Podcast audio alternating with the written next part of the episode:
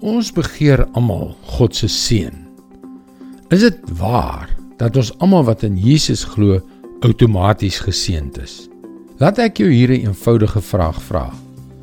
Is jy volgens Jesus 'n geseënde van God of nie? Hallo, ek is Jockey Gouchee vir Bernie Diamond. En welkom weer by Vars. Wel, is jy? Wees nou versigtig want ek vra nie of jy geseënd is of nie. Ek vra jou nie of jy geseënd voel nie. Ek vra jou nie om 'n bestekopname van jou omstandighede en jou emosies te maak nie. Ek vra jou ook nie om vir my te vertel van die vlak van God se seën wat jy op hierdie oomblik beleef nie. Laat my duidelik wees. Dit is nie wat ek vra nie. Wat ek vra is of jy volgens die Here, die Jesus van die Bybel, volgens wat hy sê, deur God geseënd is of nie. Ek weet wat jy dink terwyl jy daar sit en jou kop skud. Waaroor is die simpel ou besig om te karring? Hier is die antwoord in Lukas 11 vers 27 en 28.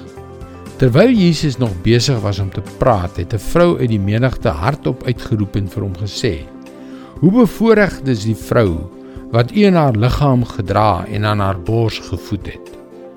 Maar hy sê: Nog meer bevoordeel is hulle wat die woord van God hoor en dit onderhou.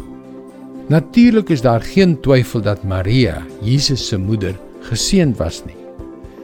Nogtans skok Jesus soos wat net hy kan almal met 'n onverwagte wending wat die voorwaarde verseën tot 'n heel nuwe vlak verhef.